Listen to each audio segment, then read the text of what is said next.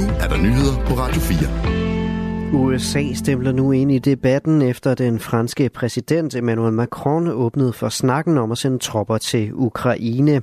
Og det har altså ingen, eh, det har USA altså ingen intention om at gøre, som lyder det fra Pentagon ifølge nyhedsbyrået Reuters. Det var på et pressemøde i går, at Emmanuel Macron åbnede for at sende tropper til Ukraine. Siden har flere NATO-lande reageret ved at understrege, at de ikke vil være med til det, blandt andet Tyskland og også Danmark. Og efterfølgende har den franske udenrigsminister korrigeret udtalelsen. Vestlige ledere fejrede i stor stil, at Ungarns parlament i går stemte for Sveriges NATO-ansøgning, men det kan vare lidt endnu, inden alliancen får sit 32. medlem. Sveriges indtræden i NATO er nemlig blevet en smule forsinket, fordi det ikke bliver den her uge, at landet bliver medlem, det skriver det svenske medie Dagens Nyheder i dag. Årsagen er, at Ungarns godkendelse af den svenske ansøgning endnu ikke har fået præsidentens underskrift.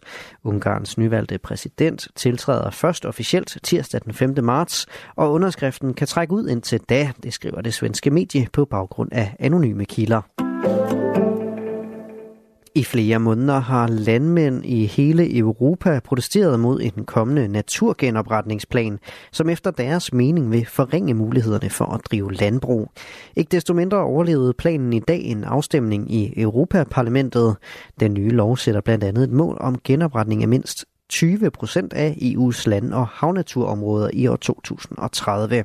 Og det glæder Marie-Louise Kravak, der er havpolitisk rådgiver ved Danmarks Naturfredningsforening. Vi står i en biodiversitetskrise globalt, og vi har arter og naturtyper, som har det værre end nogensinde før. Så det er godt, at vi har fået det her juridisk bindende værktøj, som forpligter regeringen til at sætte fart på de indsatser, som der helt desperat er brug for derude. Der er konkrete måltal i aftalen, og netop det glæder Danmarks Naturfredningsforening. De her årstal øh, især har vi manglet i den, i den øh, forvaltning af vores natur, vi har i dag, øh, hvor det mere har været sådan, I skal opnå god tilstand en eller anden gang en dag. Øh, så det her med, at vi får nogle, nogle mål i både 20, 30 og 40 og 50, det, det, det mener vi er et rigtig vigtigt tiltag, for at vi kan gå ud og få, få sat skub i, at vi kan genoprette både vores øh, skove og vores lysåbne natur, men også vores, vores marine naturtyper. Til gengæld mener Dansk Folkepartis Europaparlamentsmedlem Anders Vistisen ikke, at øh, den nye genop- naturgenopretningsplan er en god idé. Jeg havde jo gerne set, at man havde lavet det her være op til de lokale øh, demokratiske processer i medlemsstaterne. Som sagt, så har vi haft vandmiljøplaner siden 80'erne, og vandmiljøet er ikke blevet bedre i Danmark af den grund, men det har kostet os en, en øh, hulens masse penge, det har kostet en masse byråkrati, men det er jo ikke sådan, at vi har fået et, øh, et fjord- og nært havmiljø, der er i, øh, i kraftig bedring, fordi EU har fået overladt magten. Vasili Dubkov, der er advokat for den afdøde russiske oppositionspolitiker Alexei Navalny, er blevet løsladt igen.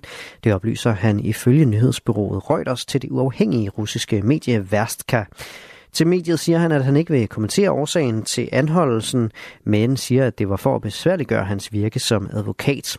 Advokaten bistod i sidste uge oppositionspolitikeren Alexei Navalny's mor, da hun rejste til den straffekoloni i Sibirien, hvor hendes søn blev holdt fanget, da han døde.